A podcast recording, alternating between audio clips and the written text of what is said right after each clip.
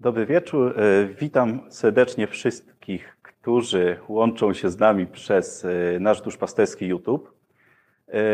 Na kolejnym spotkaniu Open, kolejnym spotkaniu z naszego jubileuszowego cyklu, które zatytułowaliśmy Kościół między kryzysami. Czy świeccy mogą zmienić oblicze polskiego katolicyzmu? Jest to trzecie spotkanie z naszego jubileuszowego cyklu. Pierwsze ze spotkań poświęciliśmy wychowaniu w wierze. Naszymi gośćmi byli ksiądz dr Kacper Radzki i ojciec Tomasz Gaj. Drugie spotkanie poświęciliśmy wirtualnemu duszpasterstwu i katolickim influencerom.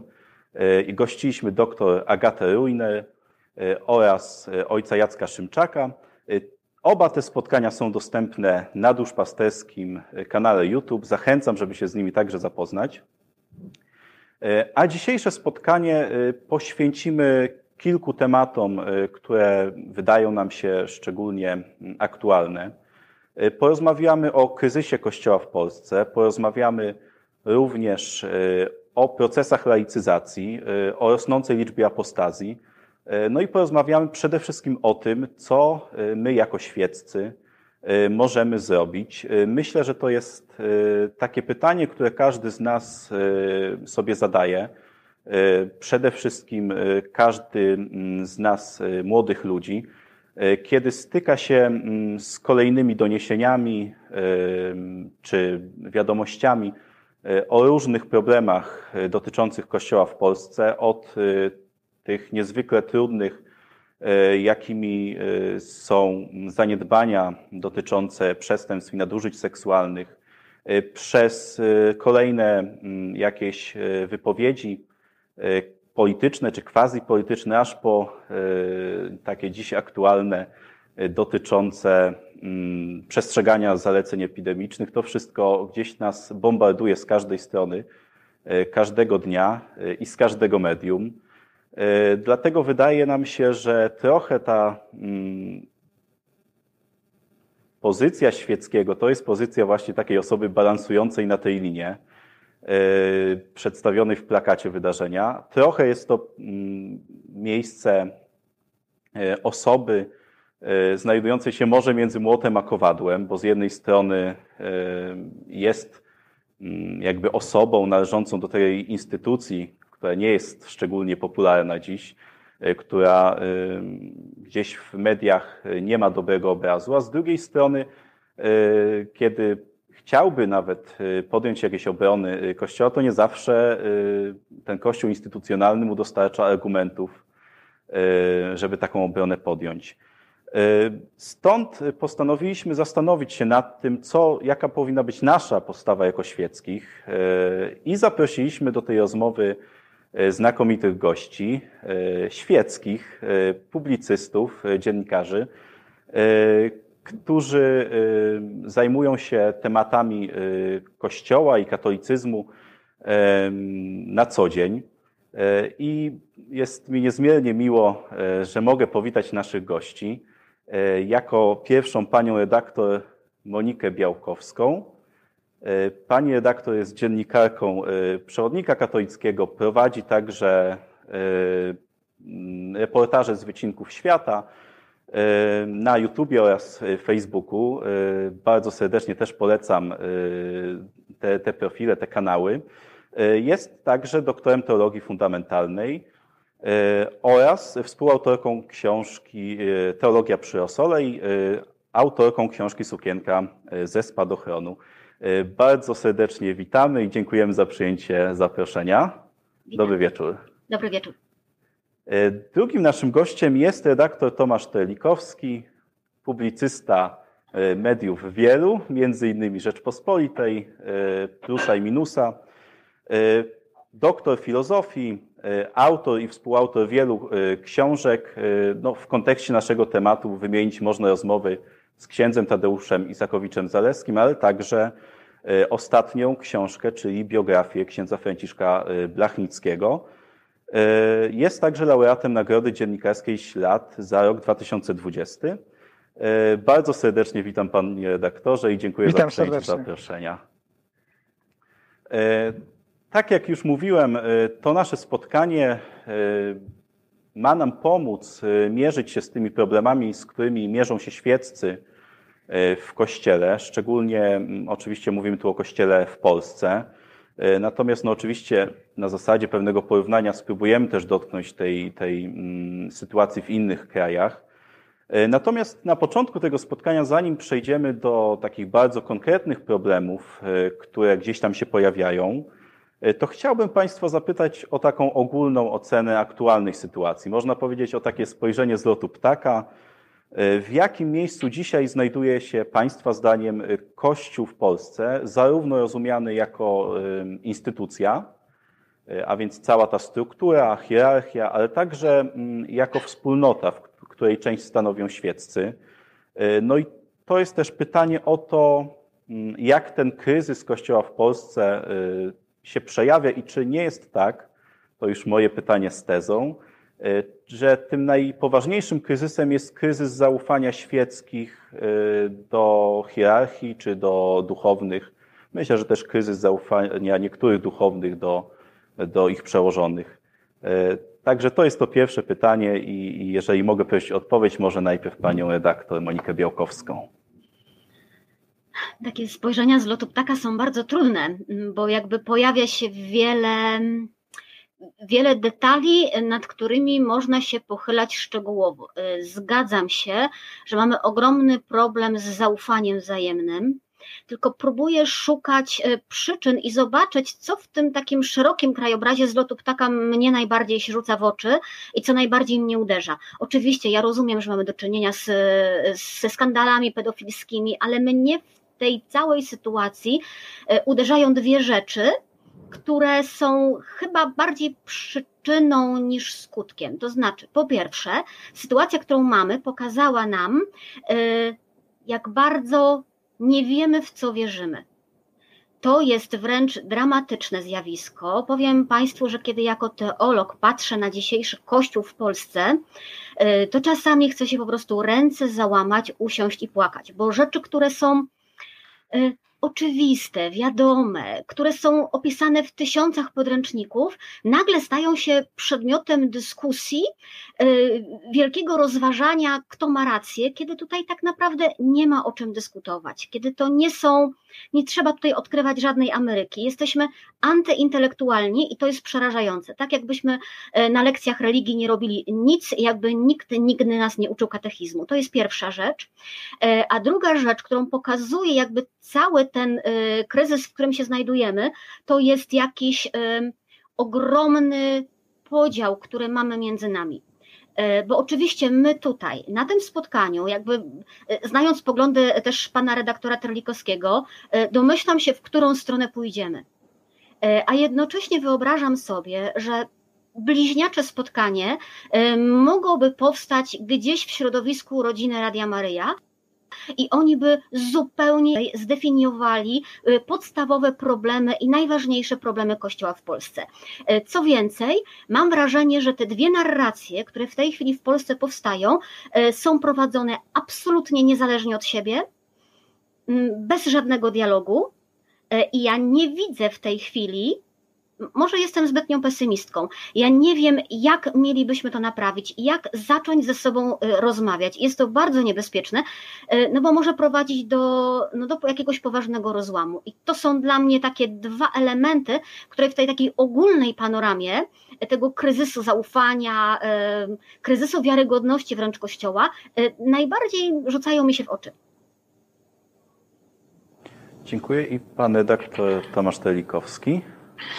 No, oczywiście mnie się trudno z panią tutaj nie, nie, redaktor, doktor nie zgodzić, natomiast uzupełniłbym e, to dwoma jeszcze rzeczami.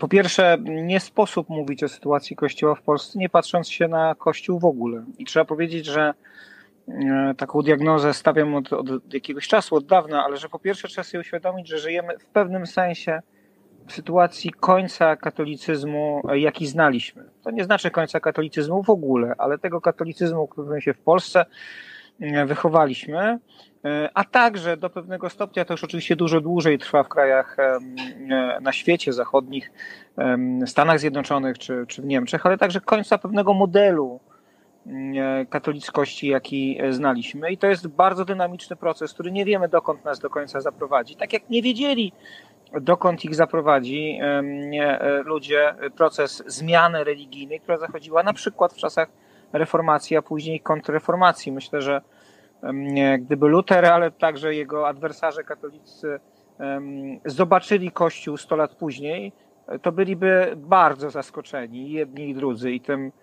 i tym kościołem, który się ukształtował ewangelicko-augsburskim, i tym kościołem, który się ukształtował trydenckim, a później posttrydenckim. I myślę, że my żyjemy właśnie w momencie takiej bardzo dynamicznej mm, zmiany, którą, i tu się zgadzam e, z panią redaktor Białkowską, której część środowisk w Polsce nie przyjmuje E, nawet nie chodzi o to, czy się z nią zgadza, czy się z nią nie zgadza. Ona po prostu nie przyjmuje jej e, do wiadomości, odrzuca proces zmiany, jaki się e, dokonuje i jest przekonany, że najlepszym rozwiązaniem problemów jest pozostanie przy tym, co było, tyle że tego, co było, w sensie ścisłym już nie ma. I to jest pierwsze zjawisko z lotu ptaka, o którym trzeba, trzeba pamiętać i tu można by bardzo długo wymieniać rzeczy, które już się zmieniły i już się nie odmienią.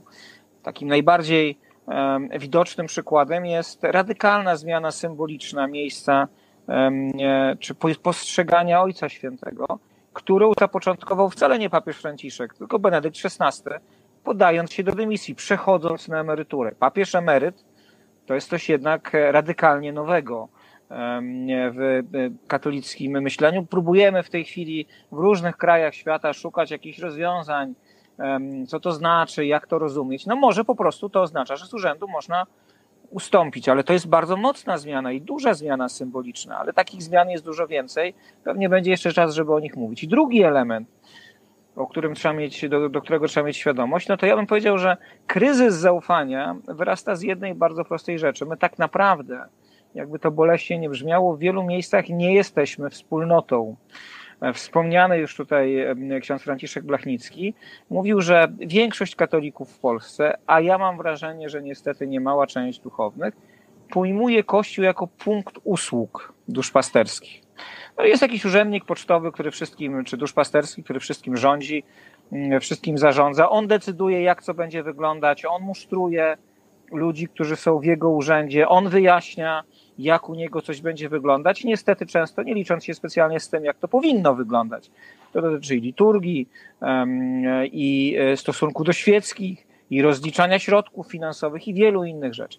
Ale z drugiej strony również, e, można powiedzieć, klienci traktują to miejsce bardzo podobnie. No, zgłaszają się po usługi, po mszę świętą, Niektórzy dużo rzadziej, no po ślub, teraz też rzadziej po ślub, ale po chrzest dziecka, po pogrzeb, E, po pierwszą komunię, która już można powiedzieć żartobliwie stała się sakramentem mm, zerwania e, z Kościołem, już nie bierzmowanie, tylko właśnie pierwsza komunia.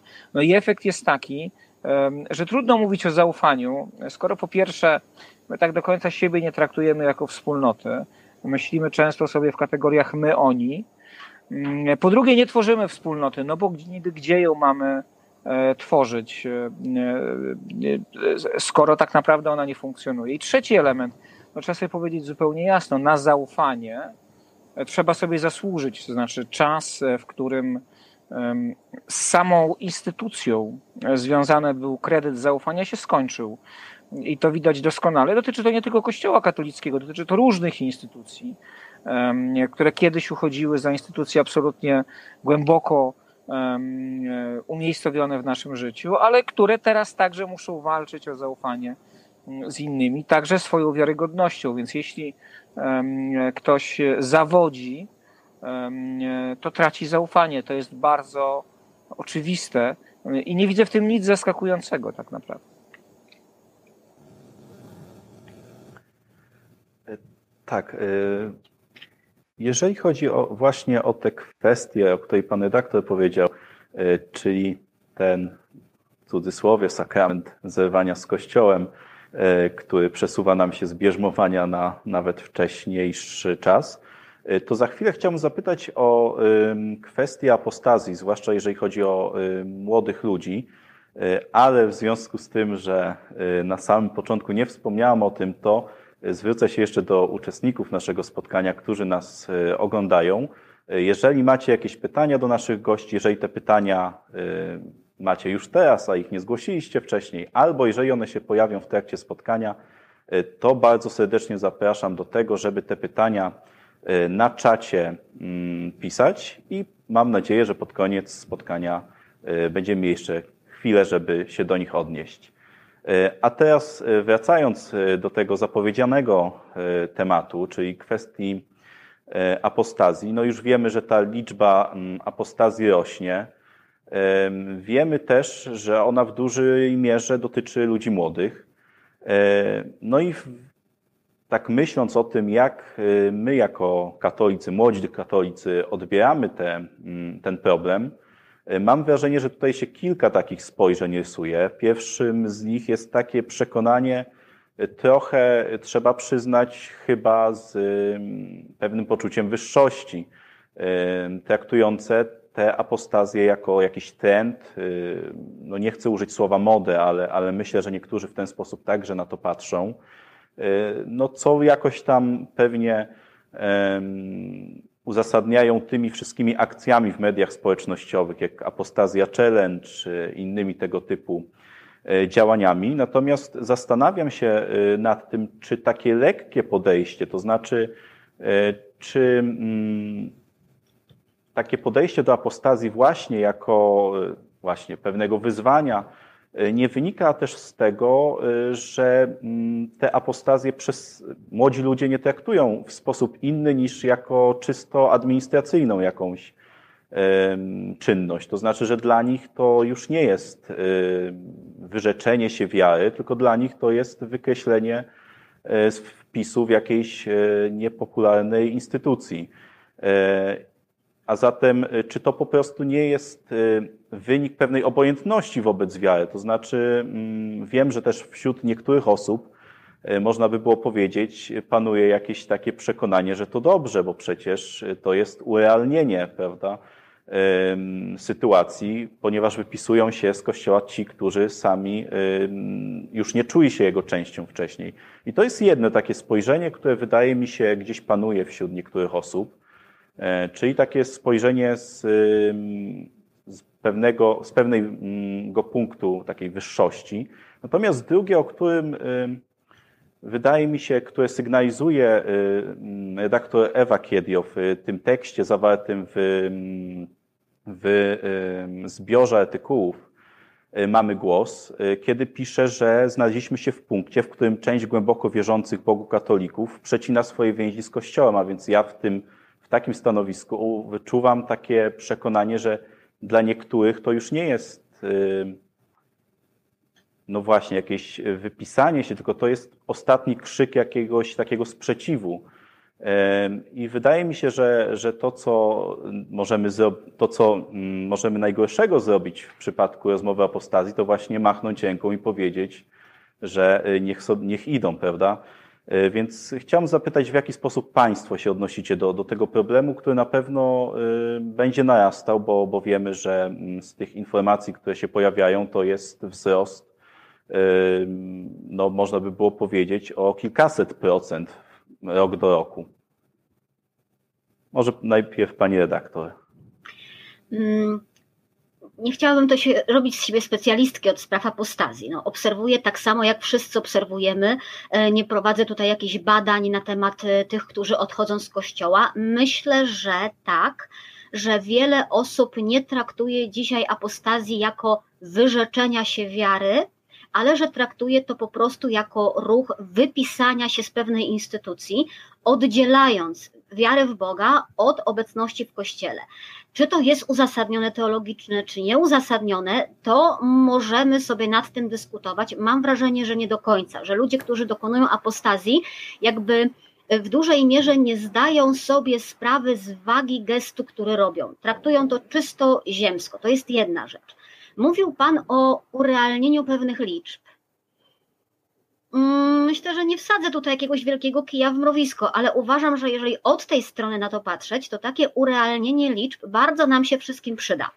To znaczy, może e, trochę nas jako wspólnotę otrzeźwić, trochę może biskupów otrzeźwić, żebyśmy przestali żyć w takim samozadowoleniu i wiecznej szczęśliwości, no bo przecież 94 bodajże procent Polaków jest katolikami. Ja tutaj czekam na przykład na wyniki spisu powszechnego, na to, co ludzie w tym spisie zadeklarują. Nie wiem, co zadeklarują, jestem po prostu bardzo ciekawa. Uważam, że wielkim błędem, jaki popełniamy jako wspólnota, niektórzy go popełniają osobiście, jest e, lekceważenie tych, którzy odchodzą. Jest mówienie dobrze, że odchodzą. Jest mówienie, e, którego nie znoszę, że jeżeli oni odchodzą z powodu księdza, to znaczy, że nigdy nie byli w kościele z powodu Jezusa. To jest naprawdę e, lekceważenie doświadczenia wiary tych ludzi, które zapewne przeżyli wcześniej, ale też lekceważenie mm, zranień, y, których ci ludzie jednak y, doświadczyli, tak? To jest, y, to jest odrzucenie człowieka, to jest powiedzenie nie liczysz się. Ja mam wrażenie niestety, mm, że jeżeli mówimy o dzisiejszych apostazjach, zwłaszcza apostazjach ludzi młodych, to to jest porażka, ale nie ich. To jest porażka nasza, to jest porażka wspólnoty Kościoła, chyba zwłaszcza na poziomie parafii. Nie wiem, jak to wygląda. Może ktoś kiedyś zrobi badania, ale mam wrażenie, że nawet jeżeli doświadczamy takiego y, fatalnego obrazu Kościoła, który dopływa do nas z mediów, jeżeli słuchamy o fatalnych czasem posunięciach biskupów, o naprawdę wielkich grzechach i przestępstwach, które się dzieją w Kościele, a jednocześnie mamy dobrego, mądrego proboszcza, który potrafi z nami w parafii rozmawiać, e, który naprawdę z tej grupy ludzi mieszkającej na danym terenie, na osiedlu, we wsi, potrafi zrobić wspólnotę wiary, to mam wrażenie, że ci ludzie tak łatwo apostazji nie dokonają. Oni powiedzą, no może tak się w kościele dzieje, boli mnie to, ale ja znam też inny kościół. Dlatego patrzę na tę apostazję właśnie jak na taką porażkę e, życia chrześcijańskiego na tym poziomie najbardziej na dole, właśnie w parafiach, może też na katechezie. E, problem z apostazjami mam też taki, że mnie jest bardzo trudno, to od czego zaczęłam, e, oddzielać odejście od Kościoła od odejścia od Jezusa.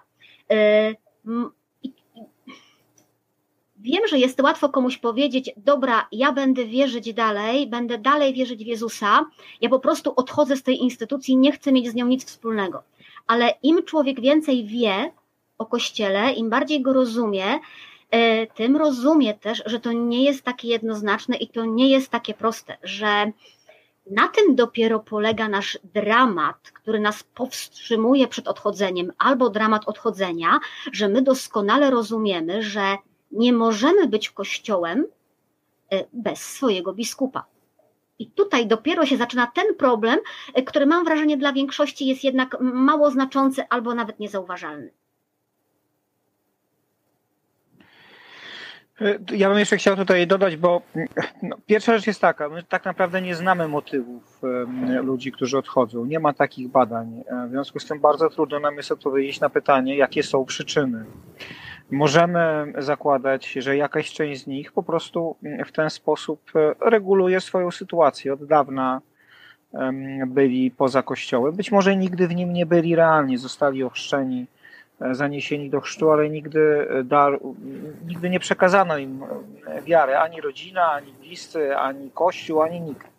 To jest jedna grupa. Inna grupa to może być taka grupa, która gdzieś po drodze z czyjejś winy, z jakiegoś zranienia, z jakiegoś doświadczenia bardzo trudnego, odeszła od wiary i w tej chwili również z jakichś powodów tą sprawę ujawnia, pewnie zgorszenia, niezadowolenia, złości, wściekłości, ale to nadal nie jest, to jeszcze nie jest ta grupa, o której mówiła tutaj pani Monika, czyli pani e, redaktor, czyli która odchodzi bo rzeczywiście jest wierząca, ale zmaga się z instytucją Kościoła. Więc my mówimy trochę o grupie, której nie znamy. To znaczy, nie przebadano tej grupy, w związku z tym bardzo trudno nam jest powiedzieć, jakie są realne powody.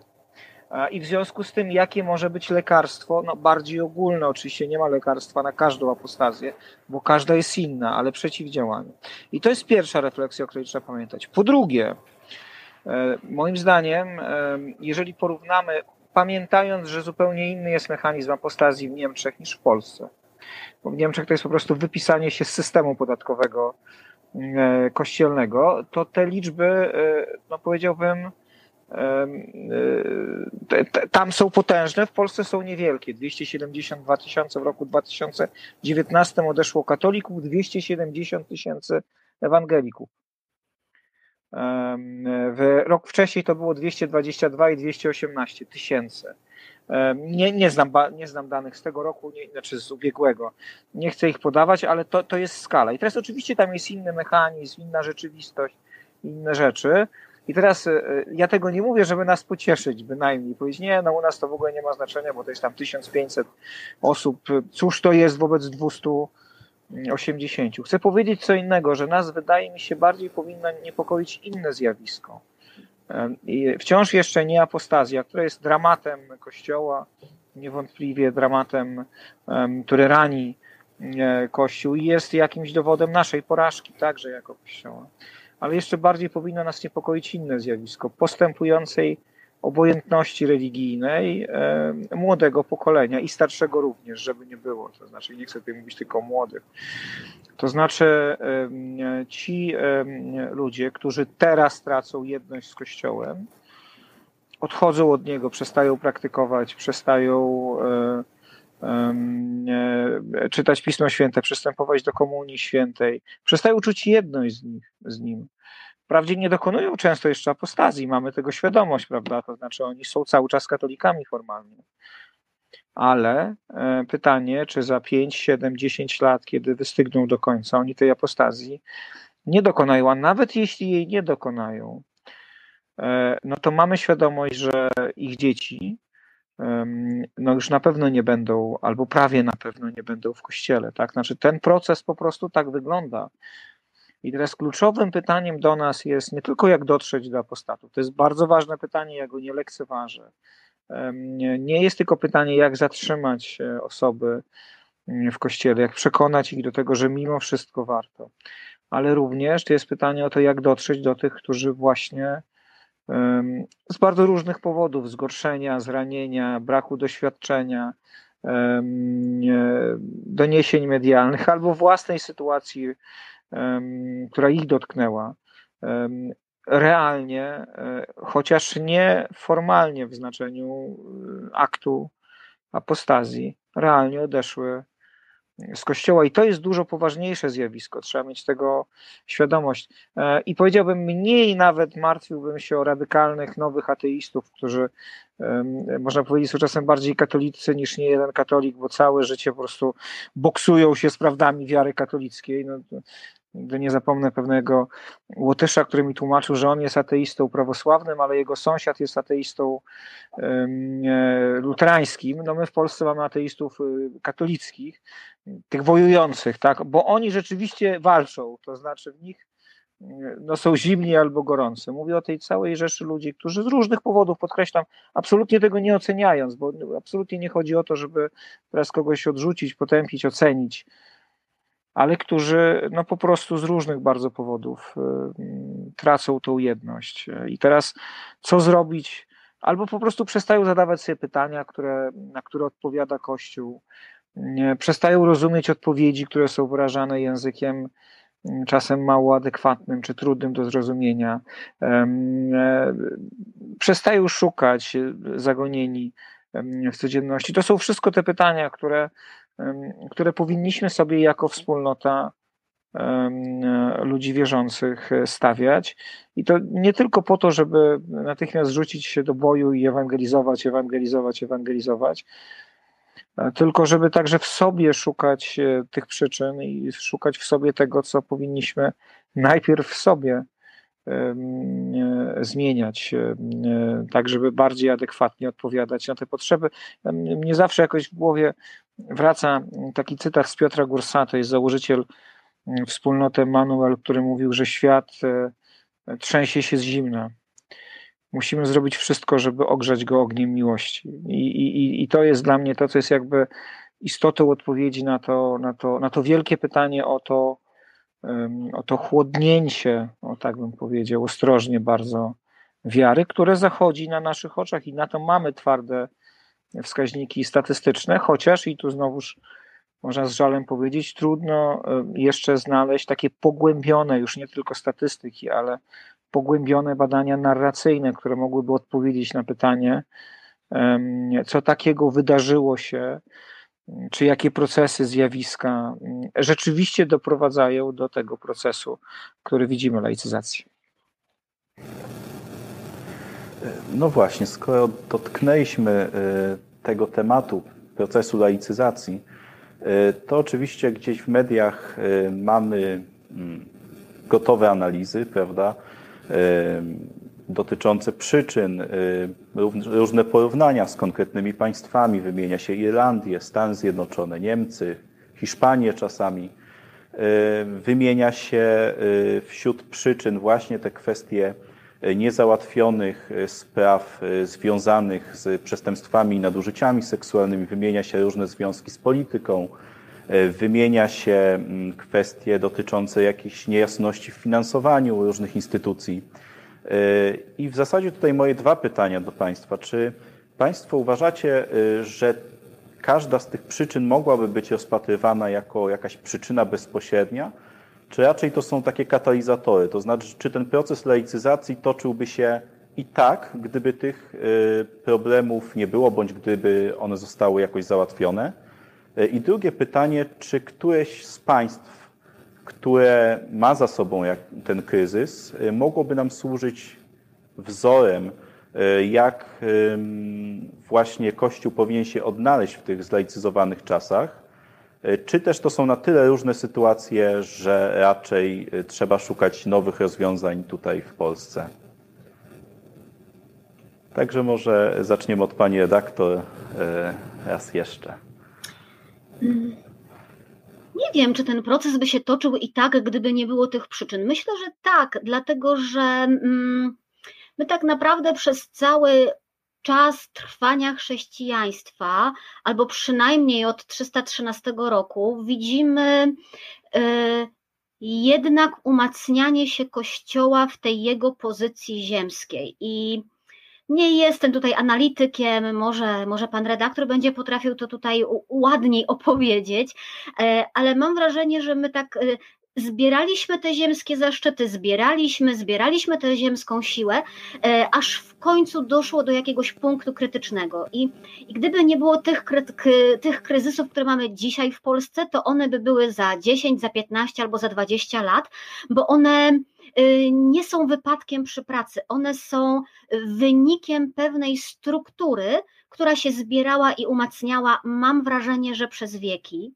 E, gdybym chciała próbować zdefiniować to, z czym mamy do czynienia i tak ująć to w jakąś jedną fajną definicję, to chyba bym powiedziała, że mamy do czynienia z przewagą takich zewnętrznych znaków i form wiary, nad świadectwem wiary, nad prostym świadectwem miłości. Proszę zobaczyć, jak my. Hm, ja się spotykałam nawet z księżmi, którzy potrafią mi powiedzieć, że pytanie, y, co zrobiłby Jezus, y, jest pytaniem naiwnym, jest pytaniem niepotrzebnym, jest pytaniem, którego nie powinniśmy dzisiaj stawiać. I wiedzą Państwo, ja tak w tym momencie zaczynam się drapać po głowie i mówić: No, hello, ludzie, gdzie my jesteśmy, kim jesteśmy i dlaczego w ogóle tutaj jesteśmy? Dlaczego jesteśmy w kościele? Dlaczego go budujemy? Dlaczego chcemy przemieniać świat, jeżeli nie po to, żeby robić to, co robił Jezus? No, no to jest pytanie fundamentalne i mam wrażenie, że e, może to jest mocna teza, e, że trochę mimochodem, niechcący, pewnie bez takiej intencji, ale zaczęliśmy zamiast budować Kościół, wspólnotę naprawdę Jezusa, zaczęliśmy odbudowywać świątynię że powtarzamy dokładnie błędy świątyni i te błędy, które Jezus tępił u, u faryzeuszów i, o, i u uczonych w piśmie. E, czy mamy jakieś przykład, na kim się wzorować? Myślę, że nie, e, dlatego że cały Kościół w różnych miejscach, w różnym momencie będzie się z tym zmagał. E, jedni może idą w tej drodze trochę szybciej, bo możemy powiedzieć, ok, we Francji to życie religijne się odtwarza, ono się odtwarza w małych wspólnotach, możemy tam szukać jakiegoś przykładu. Trzeba no, ja tu nie wymyślę nic więcej niż, niż to, że dla mnie papież Franciszek jest taką drogą odnawiania Kościoła i takiego tchnięcia w chrześcijaństwo i w Kościół z powrotem ducha Ewangelii, żeby ta Ewangelia nie była już jakimś narzędziem do budowania struktur i naszej pozycji w tym świecie, ale naprawdę do tego, żeby ona najpierw przemieniała nasze życie, bo to jest dopiero droga do przemiany świata w tę stronę, nie instytucją, nie od góry, tylko pojedynczo, pojedynczym człowiekiem, pojedynczymi naszymi sercami. Może się mylę, może błądzę, chcę w to wierzyć.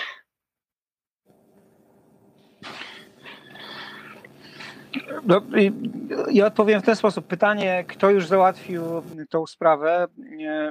Odpowiedź na to pytanie brzmi nikt.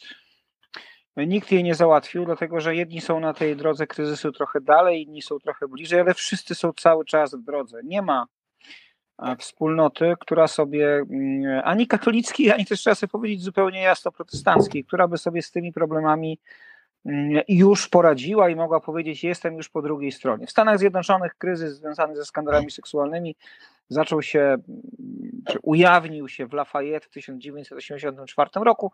Od tego momentu no, trudno nie policzyć, minęło już bagatela ponad 50 lat, chyba będzie, nie 50 jeszcze nie będzie, prawie 40. E, minęło od tego momentu lat, 37 e, i co?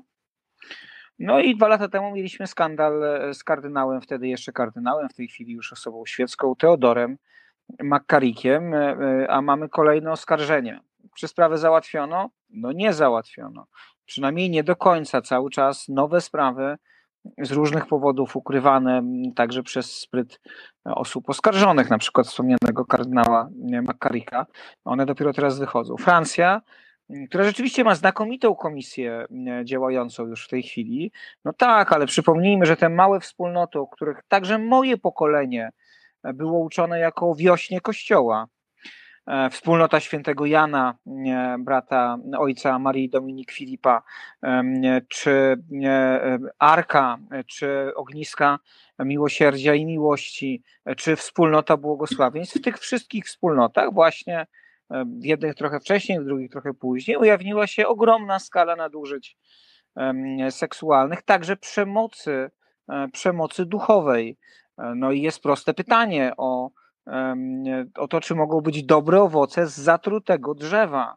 Ojciec Toma Filip czy Marie Dominik Filip, to wiemy już z raportów szczegółowych, także przygotowanych przez ich wspólnoty, całą swoją działanie budowali na objawieniu prywatnym, które dotyczyło rzekomych relacji także seksualnych między Matką Boską a Panem Jezusem. I to objawienie pochodzi z końcówki lat 30.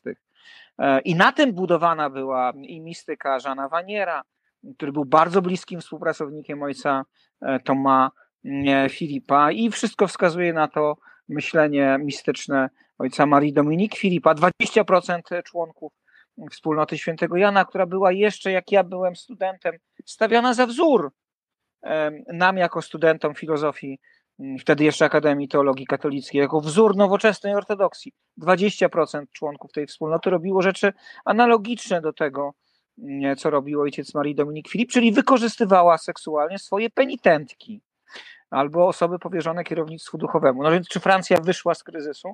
No nie wyszła. Ten kryzys mm, wciąż się ujawnia. No właśnie na dniach ukazuje się kolejna książka o liderach nowych wspólnot religijnych, katolickich wspólnot religijnych, e, którzy e, nadużywali swojej władzy i jeśli ktoś sądzi, że na tym się skończy, to nie skończy się. Mamy potężny problem, który za chwilę będzie eskalował, o tym już piszą media watykańskie. W krajach afrykańskich e, nadużyć seksualnych wobec sióstr zakonnych, dokonywanych także przez duchownych katolickich i w Azji jest podobnie. E, I e, mówię o tym nie dlatego, że to jest e, jedyny problem. To znaczy, to o czym mówimy teraz, czyli te skandale, to wszystko nie jest przyczyną, tylko jest skutkiem. To znaczy, jest coś, co nęka Kościół. Ja się nie do końca zgadzam z diagnozą pani redaktor. Powiedziałbym, że no zawsze każda religijność obrasta także w instytucjonalność. Nie ma religijności bez instytucjonalności. Ja bym powiedział raczej, że żyjemy w czasach takiej powtórzonej reformacji ze świadomością, że historia nigdy się nie powtarza. Ale to znaczy, że pewien, pewne modele instytucjonalne, pewne modele myślenia, pewne struktury intelektualne w którym od czasów Soboru Trydenckiego wyrażaliśmy nasz katolicyzm. Sobór Watykański II nieco je zreformował, nieco je przesunął, nieco je zmienił, ale ostatecznie pozostał w dużej mierze w podobnym paradygmacie, no to one w tej chwili dobiegają końca i szukamy w popłochu na całym kościele, na całym świecie nowych modeli. A dodajmy, szukamy tego w sytuacji, e, w której nie żyjemy już wszyscy w jednej globalnej cywilizacji. Katolicyzm afrykański to jest nieco odmienny katolicyzm, jeśli chodzi o pobożność, o przeżywanie, o liturgię, także o teologię, które tam powstają, niż ten katolicyzm, który znamy z Europy. Jeszcze inny jest katolicyzm azjatycki z różnymi jego odmianami i z próbami poszukiwania dialogu z tradycyjnymi religiami, wielkimi religiami Dalekiego Wschodu. Mamy jeszcze odmienny trochę i z nim związany jest papież Franciszek, katolicyzm, katolicyzm latynoski. I powiedziałbym w ten sposób, e, no, będziemy się decentralizować, będziemy się zmieniać i myślę, że tym procesem, który najlepiej jest widać, to jest proces takiej zmiany, to jest analogiczne nawet nie do reformacji, tylko do jeszcze wcześniejszego okresu, czyli do momentu, w którym, w którym model katolicyzmu, tego, który znano z Aleksandrii czy z Antiochii, został zastąpiony przez e, model chrześcijaństwa ukształtowany w Konstantynopolu i w Rzymie, no jednak inny model. No i my jesteśmy w procesie przejścia do tego nowego modelu i on, on jest oczywiście ten proces e, bardzo bardzo trudny e, i wiąże się oczywiście z rozpadem, i tu, tu zgoda, wiąże się z rozpadem pewnych struktur, które znaliśmy. Natomiast oczywiście no, w procesie historycznym będą się kształtować nieco odmienne struktury, e, bo ostatecznie nasza religijność nie może istnieć bez, bez struktur instytucjonalnych. Tutaj na moment jeszcze oddam głos pani redaktor. Bardzo e, proszę bo ja mam takie adwocen pytanie do pana redaktora.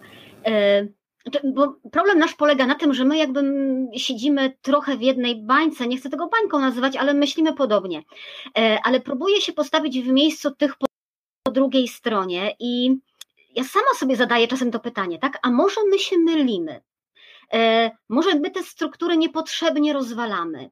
Może to my wywołaliśmy ten proces, może to my wywołaliśmy jakiś kryzys niepotrzebnie i może rzeczywiście rozwiązaniem jest, jak przekonują nas niektórzy, e, powrót do e, liturgii e, tej nazywanej trydencką, niezadawanie pytań, modlitwa za swoich biskupów, posłuszeństwo. Jestem ciekawa, jak pan sobie odpowiada na to pytanie dla siebie, bo ja też się z nim zmagam. Ja chętnie usłyszę odpowiedź pani redaktor, natomiast ja odpowiem w ten sposób. No, pewnie e, e, obydwoje, e, mam nadzieję, że nasi słuchacze również za dobrze znamy historię Kościoła, żeby wierzyć, że ten model, do którego mielibyśmy wracać, to jest model bardzo ściśle historyczny. To znaczy, on jest, nazwijmy, takim modelem XIX-XX wiecznym, pierwszej połowy XX wieku. Kościół w XVIII wieku wyglądał inaczej, a przed Soborem Trydenckim to w ogóle wyglądał kompletnie inaczej. No, to warto przypomnieć, księża diecezjalni w dużej mierze byli no mało istotni, no jeszcze kanonicy, ale to, to już trzeba było naprawdę sobie zasłużyć. Pozostali nauczyli się mszy świętej odprawiać często przy swoim proboszczu. Nawet prawa głoszenia kazań zazwyczaj nie mieli. No, pamiętajmy, nie mówiąc o spowiedzi. Przyjeżdżali przedstawiciele e, zakonów żebraczych, dominikanie, franciszkanie, augustianie i oni raz do roku głosili misje czy rekolekcje i głosili kazania, wtedy można było posłuchać, wyspowiadać się. Model był inny. Ten model, w którym biskup i papież jest jednowładcą, to przecież nie jest model średniowieczny ani tym bardziej starożytny, tylko to jest model ukształtowany na skutek um, zainspirowania się modelem absolutystycznym, czyli XVIII-wiecznej władzy politycznej. W polityce świeckiej ten model już dawno przeminął. No ale my, jakby to powiedzieć, jak to, jak to instytucja o długiej pamięci, jeszcze przy nim trwamy, ale przypomnijmy średniowieczne rozwiązania. Większość biskupów była mianowana przez kapituły, czyli była mianowana na miejscu. Papież ten wybór zatwierdzał, ale pamiętajmy, że w związku z tym, że wtedy maile nie działały, to zanim on go zatwierdził, to często biskup zdążył umrzeć i już był nowy wybrany. Więc oczywiście papież mógł interweniować, ale jego rola była, można powiedzieć, zatwierdzająca, jak do tej pory jest w kościołach katolickich wschodnich. Mhm. Władca świecki na dobre i na złe, bo ja nie chcę powiedzieć, że to było zawsze dobre, ale też miał ogromny wpływ na wybór biskupa. Już wspomniałem, jaki miał wpływ i mieli wpływ na wybór papieża. E, miał także wybór i wpływ na jego ewentualne wygnanie, jak mu nie odpowiadał, a szlachta miejscowa, rycerstwo, a także chłopstwo też potrafiło się w takie procedury włączyć. I teraz ja nie chcę absolutyzować, nie, nie marzy mi się świat, w którym wywozimy biskupa na taczkach jako świeccy, a politycy go e, pozbawiają urzędu. W ogóle nie o to chodzi, tylko chcę pokazać, że modele były różne. I w związku z tym, no jeśli Kościół przeżył tak różne modele, jak model starożytny, e, ja zawsze z zachwytem czytam, jak dyskutowano na soborach mm, starożytnych, jak to mnisi potem się albo wcześniej, albo w trakcie się bili, jak jedni drugich wypędzali, e, kto jaki kij używał i jak mocno bił. Więc był taki model, był model średniowieczny, gdzie się wzajemnie, no też czasami bito, czasami wyklinano, a czasami było dwóch albo trzech papieży, też pamiętajmy, i wierność też była ważna. No i jest taki model jak teraz. Który z nich jest najlepszy? No, no, ja nie, nie ma we mnie wiary, że akurat ten, który jest w tej chwili, jest na pewno najlepszy. Mamy szczęście do świętych papieży, wielu w XX wieku, ale przypomnijmy, w XVI nie mieliśmy takiego szczęścia, no, przynajmniej w XV, no, a przynajmniej mniejsze niż w tej chwili. Więc e, e, no, tak sobie radzę, mówiąc zupełnie wprost. I ostatnia rzecz, to nie jest tak, że e, myśmy rozbili te struktury. To znaczy, ważna analiza rzeczywistości uświadamia, że te struktury rozbiłyby się nawet gdyby nie było e, e, reform, które zaszły. To znaczy, oczywiście niektóre z nich przyspieszyły ten proces, to jest osobna kwestia.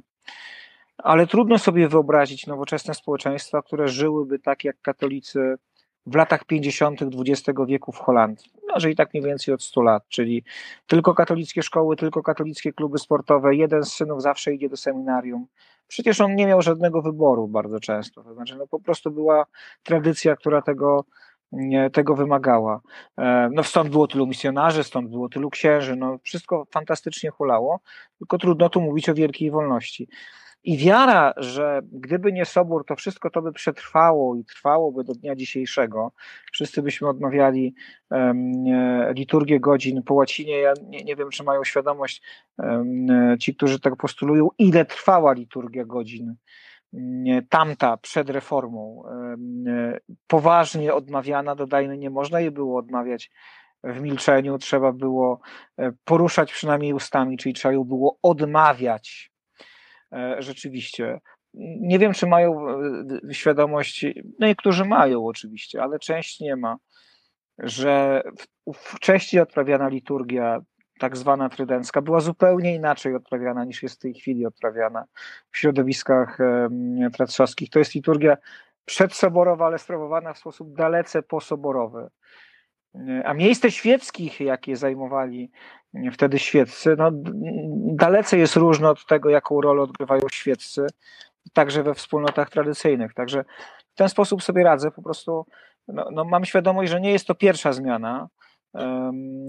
Ona oczywiście jest głęboka, ale e, bo, bo jesteśmy w dużo bardzo zdecentralizowanym świecie, dużo bardziej różnorodnym świecie ale powiedzmy sobie szczerze, reformacja dla ludzi i wszystkie procesy wokół, bo mówimy reformacja, ale przecież to był czas, kiedy odkryto e, nowe lądy i odkryto, no było pytanie o to, kim są ludy, które tam zamieszkują, jakie mają prawa, jakich nie mają, ogromna debata.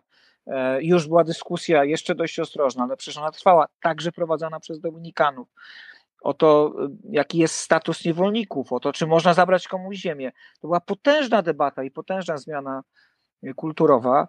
Kościół przetrwał, bo pojawił się trochę inny. I nie widzę powodów, żebyśmy mieli mieszkać w muzeum. No, Kościół jest wspólnotą, a nie obiektem muzealnym, w którym chodzi jedynie o to, żeby zachować pewne rzeczy. Zresztą pytanie, które jeden z moich dobrych znajomych księży tradycyjnych, odprawiających mszę świętą, tylko w Starym Rycie. Jak kiedyś do niego przyszli wierni i powiedzieli, że chodzi w złej, e, e, e, w złej albie, bo nie ma na niej koronek. tylko jest taka prosta. On mówi, nie, nie, no wy nie jesteście żadni traci, no wy tutaj chcecie mi przywrócić mnie do stanu z baroku, a ja jestem prawdziwym tracem, ja tylko gotyk. Oczywiście było to złośliwe, bo to też nie jest do końca prawda.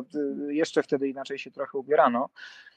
No ale no, no nie ma powrotu do, do przeszłości, a pewne procesy po prostu zaszły, one się wydarzyły. Te zmiany, które zachodzą, nawet jeśli czasem są błędne, bo wiadomo, że w procesie zmiany ludzie podejmują czasami błędne decyzje. I one będą pewnie do jakiegoś stopnia weryfikowane w dalszej, w dalszej kolejności, ale to nie jest tak, że my chcemy tej zmiany, to nie jest tak, że gdyby nie było Lutra, gdyby ten straszliwy, ja tu żartobliwie mówię, bo ja mam dużo sympatii dla Lutra, także dlatego, że był cholerykiem, jakoś dobrze go rozumiem w jego zachowanie. Natomiast to nie jest tak, że gdyby nie było Lutra i gdyby on nie wywiesił tych, wywiesił, no, na pewno ich nie przybił, bo drzwi były metalowe, no ale no nie, nie przedstawił tych tez do dyskusji, to dalej byśmy żyli w średniowiecznym kościele no nie żylibyśmy. Proces może wyglądałby inaczej, może zachodziłby w innym kierunku, ale także by się dokonał. Tak, czy pani redaktor jeszcze chciałaby odpowiedzieć? Czy... Nie, dziękuję.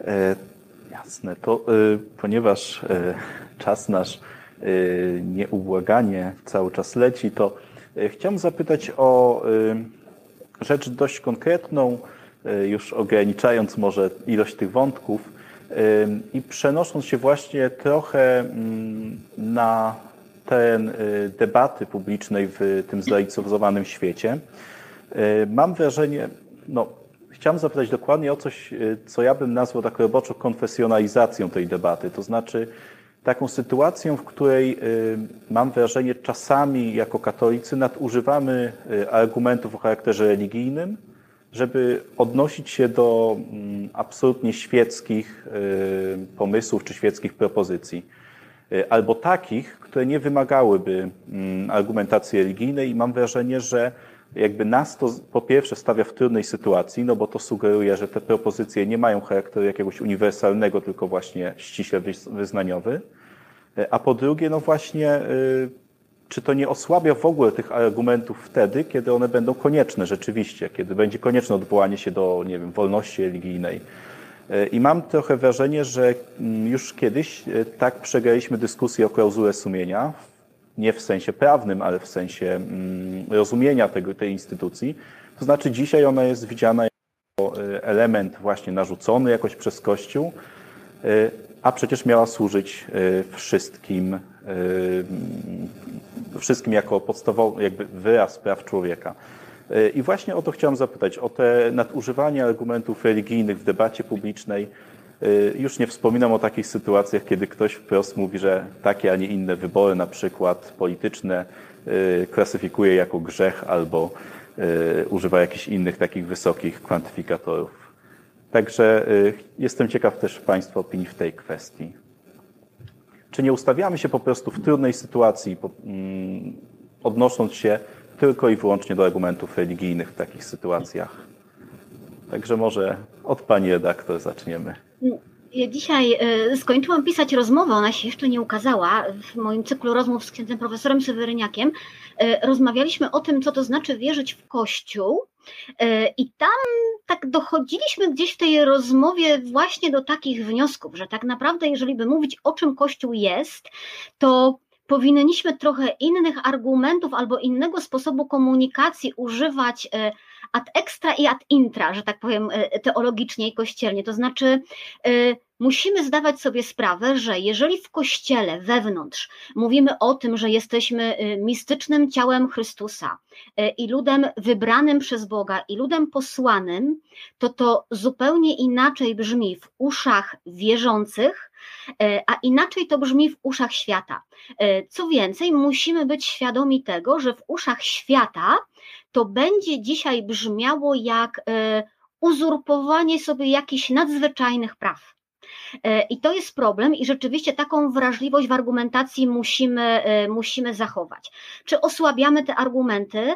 Myślę, że je mocno osłabiamy, to znaczy każda rzecz, która jest wyświechtana, traci swoją wartość, zwłaszcza, że zdarza nam się niestety. Mm, używać ich nieadekwatnie albo przedkładając efekt nad prawdę. Coś, co mnie bardzo boli z aktualnych wydarzeń, to jest chociażby kwestia szczepionek. E, no wiadomo, papież na temat szczepionek się wypowiedział, e, Kongregacja Nauki Wiary na temat szczepionek się wypowiedziała. E, dzisiaj nasi biskupi też na ten temat postanowili się wypowiedzieć, zwracając uwagę na to, no, że jak ktoś musi, to może, ale jak może, to lepiej nie. I chodzi o wykorzystywanie szczepionek, no bo szczepionki korzystają z abortowanych płodów. I bardzo mnie boli to, że w takiej dyskusji nie mówimy całej prawdy że mówimy tylko tę część prawdy, która jest dla nas wygodna, że e, posługujemy się czymś, co jest jakimś rzeczywistości. Bo oczywiście e, e, część szczepionek, ale również tych, z których korzystamy na co dzień przy innych okazjach, bo też szczepionek na przykład na, róży, na szczepionek na różyczkę, z tego co wiem i z tego co się orientowałam, również jest budowane na liniach komórkowych, ale to nie jest tak, co mam wrażenie, starają się sugerować biskupi, ewentualnie taki komunikat idzie w świat, że oto dzieci są zabijane po to, żeby mogły powstać szczepionki. E, ja kiedyś zajęłam się tym, próbowałam się dokopać, jak to wygląda. Okazuje się, że e, te konkretne szczepionki, z których korzystamy w przypadku koronawirusa, powstały na liniach komórkowych namnażanych sztucznie z dwóch płodów, proszę Państwa, z lat 60. i 70., z czego jedno dziecko było poddane legalnej aborcji, e, a druga linia komórkowa jest z płodu z poronienia naturalnego.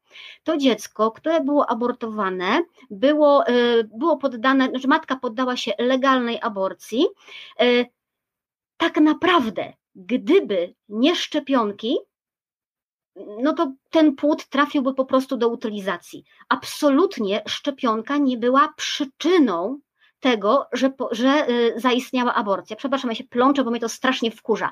Y, budujemy jakąś narrację, która oparcie w faktach ma znikome i wystarczy, że ktoś nas złapie na jakiejś drobnej nieścisłości, i my tracimy wiarygodność w tak naprawdę wielkich rzeczach, w ważnych rzeczach, o które powinniśmy walczyć. I to jest coś, co w tej narracji kościelnej, kościółkowej mnie oburza, to jest to, że sami swoją wiarygodność podważamy, sami swoją wiarygodność niszczymy. My musimy pamiętać i być ostrożni, zwłaszcza w dzisiejszych czasach, kiedy wszyscy ludzie mają dostęp do informacji tak naprawdę dwoma kliknięciami na, na klawiaturze. Y, albo będziemy kryształowo uczciwi, y, i nie nadużyjemy prawdy w najmniejszych nawet rzeczach, albo totalnie stracimy wiarygodność w rzeczach wielkich. I to już nie będzie wiara, to już nie będzie religia, to będzie prosta ideologia. Ja bym bardzo nie chciała, żeby chrześcijaństwo taką ideologią się stało. No tutaj trzeba dodać jeszcze parę rzeczy jednak, dlatego że oczywiście e, trochę uzupełniając, to jest stanowisko zespołu ekspertów Konferencji Episkopatu e, Polski i biskupa Wróbla a nie stanowisko polskiego episkopatu. To jest pierwsza mhm. rzecz. Chociaż oczywiście episkopat takie przedstawił, jakby to było stanowisko całego episkopatu. Druga kwestia, oczywiście także w mm, tym oświadczeniu Kongregacji Nauki Wiary jest wątek dotyczący mm, wykorzystania linii komórkowych pochodzących, tak jak pani redaktor powiedziała, tu trudno dyskutować z faktami, z dwóch płodów abortowanych, jeden poroniony, drugi abortowany, tam jeszcze są inne linie które także były wykorzystywane i również Kongregacja Nauki Wiary mówiła, oceniła wykorzystanie czy stworzenie linii komórkowych, które od tego momentu zostały wielokrotnie już zmodyfikowane, to jest osobna kwestia. One z tymi pierwotnymi e, komórkami niewiele mają wspólnego. Ale również Kongregacja Nauki Wiary oceniła akurat ten proceder negatywnie. E, i dodała, że jeśli to na przykład nie kongregacja nauki oceniła go negatywnie, wiele konferencji episkopatów, na przykład konferencja episkopatu Stanów Zjednoczonych, dodała do tego, że w związku z tym, jeśli katolik ma wybór to może i powinien wybrać szczepionkę, która takich wątpliwości etycznych nie budzi. A jeśli nie ma wyboru albo takiej szczepionki nie budzącej wątpliwości etycznych nie ma, to oczywiście przy zastrzeżeniu sprzeciwu sumienia może taką szczepionkę przyjąć i ostatecznie nie bez wielkiej chęci, ale ten element również jest w tym dzisiejszym oświadczeniu, znaczy mówi, można, można przyjąć. Natomiast to, na co zwróciła pani redaktor uwagę, to jest inny bardzo ciekawy problem etyczny i moralny. No to jest pytanie, e, potężne pytanie o to, na ile i w którym momencie wiedza pozyskana, wiedza czy, czy środki lecznicze pozyskane w niemoralny sposób mogą jednak służyć moralnym działaniom, tak? E, I to nie jest tylko kwestia, bo powiedzieliśmy tutaj o kilku szczepionkach, ale tak naprawdę w dużej mierze cała współczesna farmakologia opiera się, jeśli nie na mm, e, e, produkcji przy użyciu tych linii, to na przynajmniej testowaniu pewnych środków przy użyciu linii komórkowych. Jeśli ktoś chciałby całkowicie zrezygnować ze środków, które były testowane, sprawdzane, badane, przy użyciu także linii komórkowych mm, pochodzących od ludzkich embrionów, no to w dużej mierze miałby kłopot w ogóle z używaniem współczesnej medycyny. To trzeba powiedzieć zupełnie otwarcie.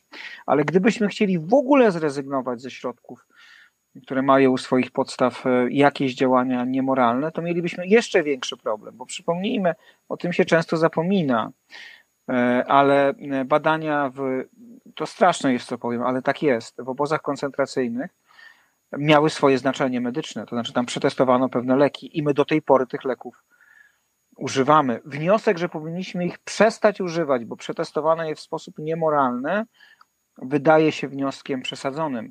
Idąc dalej, mamy rzeczywiście też tendencję do e, błędnego absolutyzowania nauczania Kościoła. Na przykład e, w kwestii, mamy ogromny problem z przyjęciem nauczania Kościoła w kwestii zaprzestania uporczywej terapii. To znaczy każde zaprzestanie uporczywej terapii, nawet w pełni uzasadnione, e, ba, w pełni konieczne, bo przypomnijmy, uporczywa terapia jest niemoralna e, i powinna być zaprzestana. Nie tylko może być zaprzestana, ale ciąży na nas obowiązek moralny jej zaprzestania. Więc e, bardzo często zaprzestanie uporczywej terapii traktowane jest jako eutanazja, co jest z katolickiego punktu widzenia nieprawdą, ale tak właśnie przedstawiane jest nauczanie Kościoła. Ja jakiś czas temu czytałem no, wstrząsające rozważania na temat tego, że powinniśmy zakazać przeszczepów y, pojedynczych narządów, ponieważ są poważne katolickie zastrzeżenia do um, kategorii śmierci mózgowej. Ja mam świadomość debaty, jaka się toczy w filozofii na temat kryterium śmierci mózgowego i mam świadomość pragmatycznych i utylitarnych źródeł tejże definicji, ale nie jest prawdą, że ta dyskusja toczy się w Kościele, zarówno Benedykt XVI, jak i Jan Paweł II. E, można powiedzieć, najpierw Pius XII powiedział, że w ogóle nie jest rolą Kościoła definiowanie momentu śmierci. Tego jest biologia i medycyna. A później Jan Paweł II i Benedykt XVI przyznali, że jeśli e, śmierć mózgowa jest stanem ostatecznym i nieodwracalnym, to może być stosowana jako kryterium. Więc nie ma dyskusji na ten temat i nie ma dyskusji poważnej dyskusji teologicznej czy filozoficznej na temat śmierci mózgowej, a ona w Polsce się nagle, nie tylko w Polsce, także w Stanach Zjednoczonych, w innych miejscach pojawia. E, I ostatni element, e, żeby już nie skupić się, bo mnie też oczywiście, tak jak panią redaktor, fascynują e, tematy bioetyczne. One są rzeczywiście bardzo interesujące, bardzo poważne i często bardzo trudne. Tu jeszcze jeden przykład to jest pytanie o to, bardzo długo trwająca debata, którą ostatecznie rozstrzygnęła Kongregacja Nauki Wiary. Ale dla wielu teologów i bioetyków katolickich to wcale nie musi być ostateczna odpowiedź. Pamiętajmy, Kongregacja Nauki Wiary jest to mylna, może się mylić. Na tym etapie oczywiście teolog jest jej zobowiązany posłuszeństwu, ale może stawiać pytania. To jest pytanie o to, co z tak zwanymi nadliczbowymi zarodkami. W procesie zapłodnienia in vitro powstają, no, w tej chwili to już są miliony nadliczbowych zarodków i tak naprawdę nie wiemy, co z nimi zrobić. Są państwa, które jak Korea Południowa mówią, po 20 latach wylewa, rozmrażamy je i wylewamy do kanalizacji. Utylizujemy je, mówiąc zupełnie brutalnie. Kraje zachodnie mają z tym większy problem, bo mamy koncept godności osoby ludzkiej, także przysługującej e, e, osobie czy istocie na najwcześniejszym etapie rozwoju, a nawet tkankom ludzkim, nawet ci, którzy nie uznają zapłodnionych czy zarodków na tym wczesnym etapie za ludzi, no przyznają, nie jest to jednak tylko materiał genetyczny, w związku z tym nie wszystko można z nim zrobić. I teraz był taki pomysł w Stanach Zjednoczonych wśród bioetyków protestanckich i części bioetyków katolickich, żeby te nadliczbowe zarodki przekazywać do adopcji. Oczywiście sama procedura rozmrożenia może doprowadzić do e, zniszczenia, do śmierci, także procedura implantacji może doprowadzić do obumarcia, no ale lepiej, żeby nawet co piąty, czy co drugi, czy co któryś co któraś z tych istot e, otrzymała, mogła się narodzić, niż żeby wszystkie w końcu e, zutylizować. I o paradoksie Kongregacja Nauki Wiary odpowiedziała, nie wolno prowadzić e, za adopcji embrionów, ponieważ jest to współuczestnictwo w złym działaniu. I część bioetyków katolickich, to jest bardzo ciekawa dyskusja, i chrześcijańskich mówi, no zaraz, ale mamy wybór, albo wszystkie ostatecznie zostaną zniszczone, no oczywiście my nie będziemy w tym uczestniczyć, to jest prawda. Nie będziemy, nie będziemy współdziałać w tej procedurze, albo przynajmniej niektóre uda się uratować. Na co e, ich przeciwnicy, adwersarze odpowiedzą, no dobrze, ale nie możemy ratować jednego życia kosztem drugiego. I teraz nie ma prostej odpowiedzi. Nie ma prostej odpowiedzi także w przestrzeni e, dyskusji katolickiej, także w przestrzeni teologicznej czy czy bioetyki chrześcijańskiej, a cóż dopiero, kiedy zaczynamy dyskutować z ludźmi na zewnątrz, którzy nie przyjmują pewnych założeń, nie przyjmują pewnych, pewnego naszego modelu myślenia o świecie. I tu dochodzimy do tego pytania o, e, o zbyt często odwoływanie się do argumentów religijnych. No oczywiście w tego typu debacie bioetycznej, politologicznej, to są najsłabsze argumenty, bo cóż osobę niewierzącą może interesować, że Jan Paweł II o życiu ludzkim mówił to i to. No mógł mówić. Naszym argumentem muszą być zupełnie inne kwestie, pamiętając, że po drugiej stronie mamy także ludzi, którzy wyznają spójne, uzasadnione e, i racjonalne nie mówię, że wszyscy, ale w debacie publicznej uczestniczą także taki. U nas po naszej stronie też nie wszyscy wyznają spójne, uzasadnione i precyzyjne poglądy, ale po drugiej stronie także są systemy, które są spójne, racjonalne, precyzyjne, tylko bazujące na innych założeniach, na innym rozumieniu e, człowieka. I jeśli mamy w ogóle ze sobą rozmawiać, to musimy, e, no, powiedziałbym, cofnąć się do tych założeń i na spokojnie bardzo je przedyskutować nie po to, żeby się porozumieć, bo jest mało prawdopodobne, żebyśmy osiągnęli porozumienie, ale żebyśmy przynajmniej się zrozumieli i żebyśmy w związku z tym mogli ustalić, co dla nas, dla każdej ze stron jest takim elementem, można powiedzieć, nienaruszalnym, z którego nawet jeśli zrezygnuje w procedurze debaty czy, czy, czy demokratycznego stanowienia prawa, no to to będzie dla niej rzeczywiście ogromna i nienaruszalna strata. Prosty przykład w debacie mm, o aborcji właśnie, no to jest pytanie, jak rozumiemy kategorię wszyscy? Od którego momentu otrzymujemy fundamentalne prawo, jakim jest prawo do życia? No to wymaga odpowiedzi na pytanie, kim jest człowiek, jak go rozumiemy, jak rozumiemy prawa ludzkie. To jest bardzo trudna dyskusja i nadużywanie argumentów religijnych nie służy tej debacie e, i rzeczywiście powoduje, że wszyscy mówią, no jak wy chcecie sobie tak żyć, nie chcecie jeść mięsa w piątek, to nie jedzcie. I to jest oczywiście argument słuszny, to znaczy, jeżeli chodzi o jedzenie mięsa w piątek, każdy decyduje, je albo nie je. Jak ktoś nie chce jeść w ogóle, bo go boli los e, skądinąd, zrozumiale może go to boleć, straszliwy los e, zwierząt w hodowli przemysłowej, to nie je w ogóle. To jest wybór E, jego osobisty, chociaż oczywiście już niekoniecznie tak bardzo osobisty, jeżeli chodzi o los zwierząt. Natomiast no nie, nie sposób się zgodzić z tym myśleniem, jeśli mówimy o takich problemach e, no bardziej fundamentalnych. Tak? Możemy się zgodzić, że musimy osiągnąć jakieś porozumienie, ale nie możemy powiedzieć, że to jest problem wyłącznie religijny. A my czasem to ułatwiamy, mówiąc, Jan Paweł II powiedział, Kościół od zawsze tego głosi. E, no, to nie jest argument w debacie publicznej. To jest e, argument co najwyżej w debacie religijnej, a i to niekoniecznie najmocniejszy, bo pamiętajmy, nie każda wypowiedź e, Ojca Świętego jest, ma taki sam status. To też trzeba pamiętać każdego Ojca Świętego. Więc no, no, jesteśmy tutaj w takim trudnym, w trudnym elemencie, ale rzeczywiście trzeba szukać języka, który będzie intersubiektywnie komunikowalny, żeby powiedzieć w sposób nieintersubiektywnie komunikowalny. Mm, jeśli mogę tylko dodać jeszcze kilka słów, bo e, skojarzyła mi się taka sytuacja, która jest dosyć tutaj adekwatna tutaj do, do tego, o czym mówimy. To nawet nie jest kwestia tego, że my używamy teologicznych argumentów, kościelnych argumentów tam, gdzie one nie są niezbędne, ale że my czasem zapędzamy się w kozi róg i próbujemy y, zastępować wręcz y, naukowe argumenty argumentami ściśle religijnymi. I to, o czym mówię, to nie jest teoria. Brałam niedawno udział w dyskusji profesorów, księży profesorów na temat e, duszy, na temat świadomości. Pojawił tam się głos o tym, co mówią neuronauki na temat, e, na temat właśnie duszy i świadomości religijnej. I proszę sobie wyobrazić, że w trakcie tej dyskusji wstał ksiądz profesor z kulu zresztą, który absolutnie poważnie na sali pełnej naukowców zadał pytanie, czy my musimy w ogóle się przejmować i brać w teologii pod, pod uwagę osiągnięcia neuronauk. No one się przecież zmieniają, a my sami lepiej wiemy, co, ma, co mamy na ten temat do powiedzenia.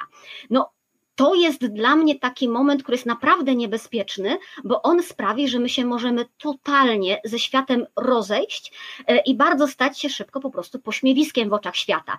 E, ja mam wrażenie i będę stała na stanowisku, że jednak rozum jest dużym darem, jaki dostaliśmy od Pana Boga e, i że nawet jeżeli Pan Bóg czegoś innego by od nas oczekiwał, to jeżeli my na tym etapie rozwoju, na jakim jesteśmy, działamy zgodnie z tym, co mówi nam nauka, to nie zabłądzimy, po prostu.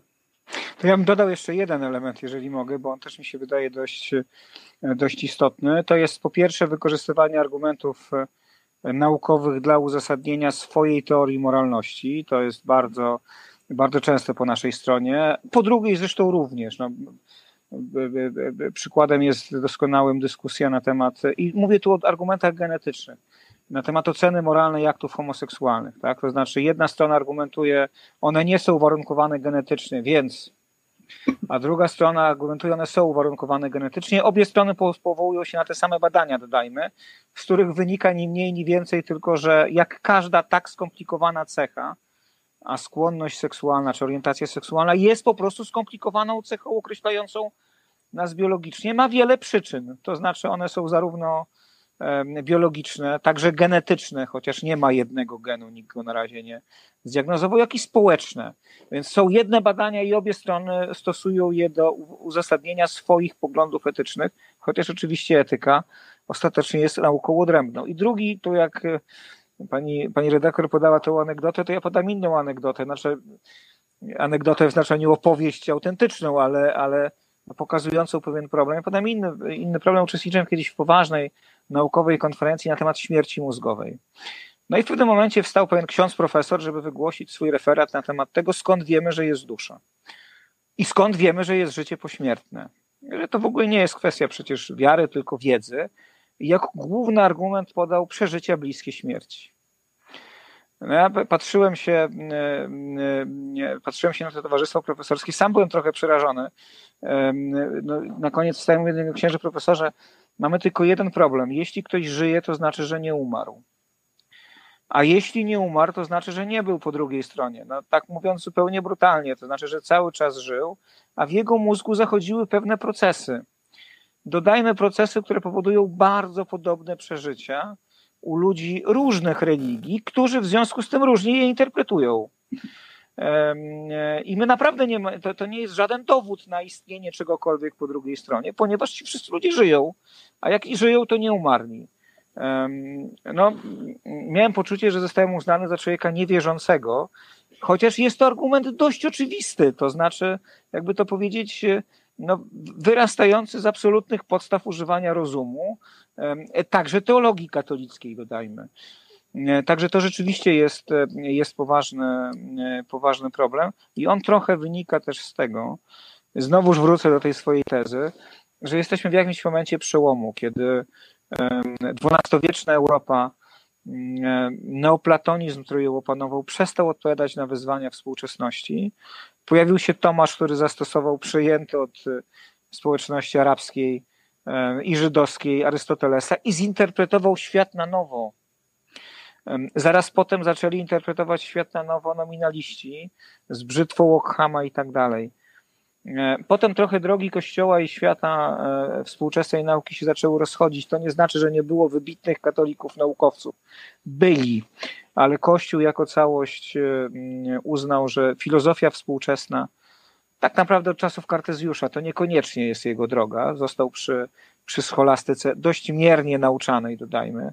Odrodzenie tomizmu to jest przełom XIX i XX wieku, to trzeba mieć tego świadomość. Tomizmu wcześniej nie było. No i częściowo zakwestionował również część z odkryć naukowych. Nie w takim znaczeniu, że je odrzucił, tylko e, zignorował je. To znaczy, no, teoria ewolucji na przykład nie jest odrzucana przez Kościół. Co do tego nie ma sporu. Kościół godzi się z teorią ewolucji. Ale Pius XII, e, i oczywiście w tej chwili Kościół się na ten temat nie wypowiada, ale ostatnia wypowiedź papieska to jest wypowiedź Piusa XII, który powiedział, możemy przyjmować teorię ewolucji, ale musimy przyjąć, że na początku był Adam i Ewa, czyli że była ta jedna para. No i teraz jest proste pytanie, czy my rzeczywiście możemy to nadal przyjmować, mając tą wiedzę, którą mamy. No ale jeśli nie możemy, no to wypadałoby przynajmniej na nowo opowiedzieć co się dzieje w teologii, to ja oczywiście to zaraz pani, pani redaktor mi powie, że to się dzieje. Dzieje się, to jest prawda, e, ale mam wrażenie, że często to nie dociera odpowiednio szeroko. Na nowo opowiedzieć doktrynę grzechu pierworodnego. Także z pytaniem o świętego Augustyna i o jego mm, aktualność. Ja jestem wielkim wielbicielem Augustyna, ale, ale pewne rozumienia, które on nam przekazał, no, powiedziałbym, są podważone. To jest pytanie właśnie o relacje duszy i ciała mieliśmy dużo szersze rozumienie życia duchowego niż mamy w tej chwili. Znaczy w tej chwili już wiemy dzięki neuronaukom między innymi, e, że bardzo wiele rzeczy, które uważaliśmy za elementy duchowe jest jednak fizyczne. I co więcej jest wspólne nami zwierzętom. E, niektórym zwierzętom, oczywiście nie mówimy teraz o wszystkich.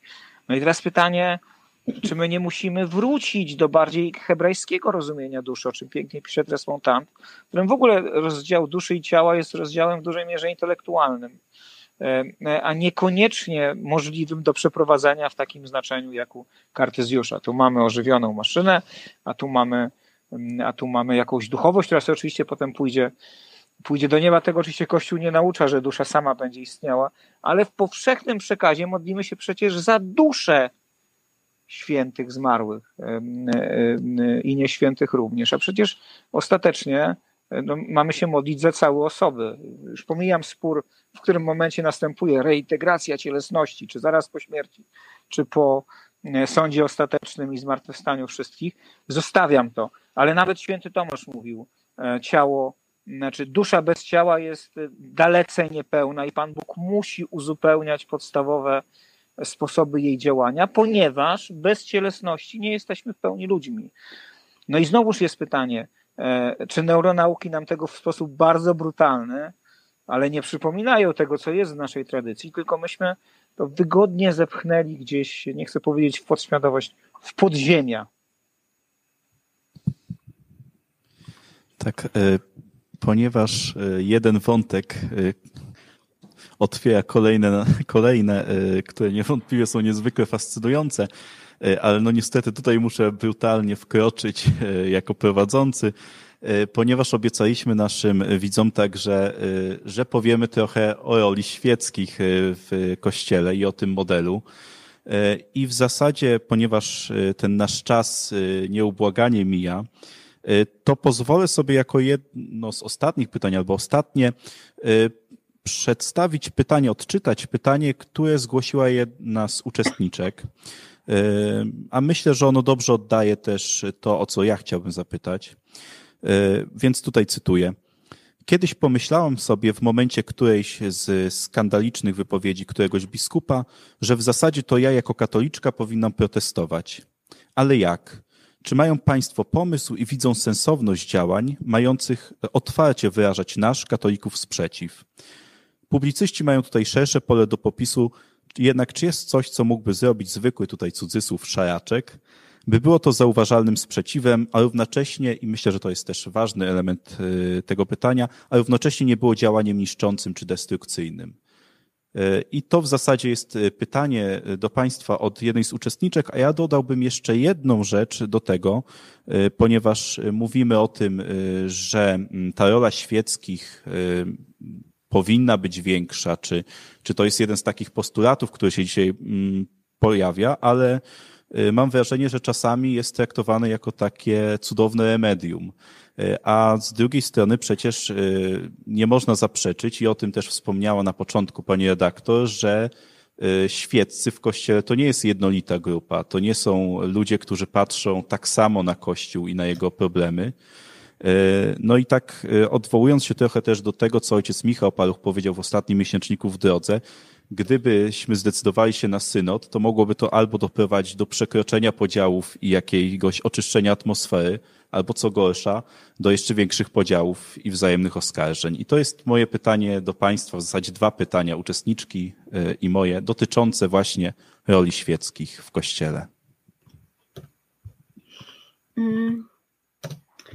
Jeśli chodzi o, jeśli chodzi o synod, to ja przyznam, że miałam taką myśl e, jeszcze przed pandemią, chyba zbyt idealistyczną, ale stworzenia takiej platformy, takiego miejsca spotkania, e, gdzie mogliby się stawić ludzie naprawdę z różnych opcji dyskusji i rozmowy tak ustawionej, żeby absolutnie nie mogło tam być żadnego lobbingu, wyższości, czegokolwiek, z taką świadomą równością organizacyjnie zaplanowaną, ale żebyśmy my mogli nie dyskutować nawet, bo to nie o to chodzi, ale żebyśmy my mogli sobie najpierw zdefiniować podstawowe pojęcia, o których mówimy.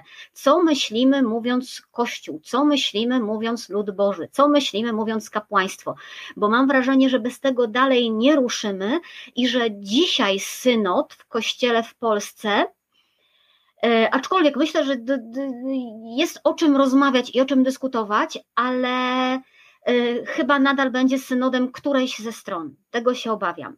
Y, pytał pan i pytała słuchaczka o te narzędzia protestu świeckich. To jest pytanie, które ja dostaję dość często i którym sama się, z którym sama się zmagam, bo mam wrażenie, no wykluczając nas, którzy rzeczywiście mamy troszkę większe, y, większą możliwość przebicia się, chociaż proszę Państwa, proszę pamiętać, że dzisiaj każdy ma taką możliwość przebicia dzięki mediom społecznościowym, nie oszukujmy się, to trochę trwa czasem, ale się udaje, y, to jakby strukturalnego narzędzia protestu w Kościele dla świeckich nie ma y, jeżeli ci świeccy chcą głośno powiedzieć nie, a jednocześnie nie wystąpić z jakąś opozycją.